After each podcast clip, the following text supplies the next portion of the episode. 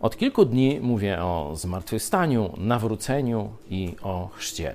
Żeby czasem nie pozostało w kimś jakichś wątpliwości, że chrzest, czy protestancki, czy katolicki, rozumiany jako ten znak, czy przez pokropienie, czy przez zanurzenie, zbawia, e, czyli wprowadza człowieka do nieba, no to jeszcze raz ustalmy fakty.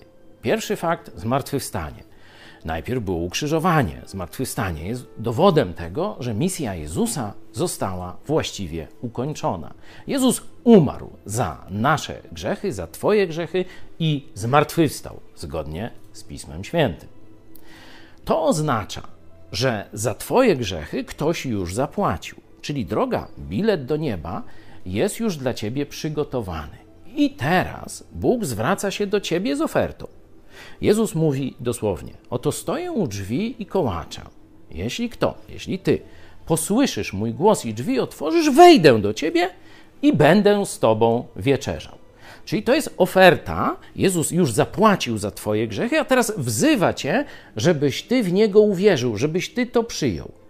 Ten proces, najważniejszy w życiu człowieka, nazywa się nawróceniem, można powiedzieć utożsamieniem z Jezusem Chrystusem. I to wtedy dokonuje się zbawienie. To wtedy Bóg Ojciec wyrywa cię z ciemności i przenosi na zawsze do Królestwa Jezusa.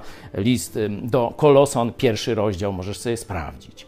No i teraz, kiedy już jesteś obywatelem Królestwa Bożego, jesteś na nowo narodzony, Bóg powiedział: a teraz to pokaż publicznie, a teraz to ogłoś światu. I temu służy chrzest wodny. Jest to publiczna manifestacja wiary w Jezusa i też przeżycie dla ciebie, że właśnie tak jak Jezus został zabity i zmartwychwstał, tak ty już uwierzywszy w Jezusa, jesteś nowym człowiekiem. Stare przeminęło. Oto wszystko stało się nowe.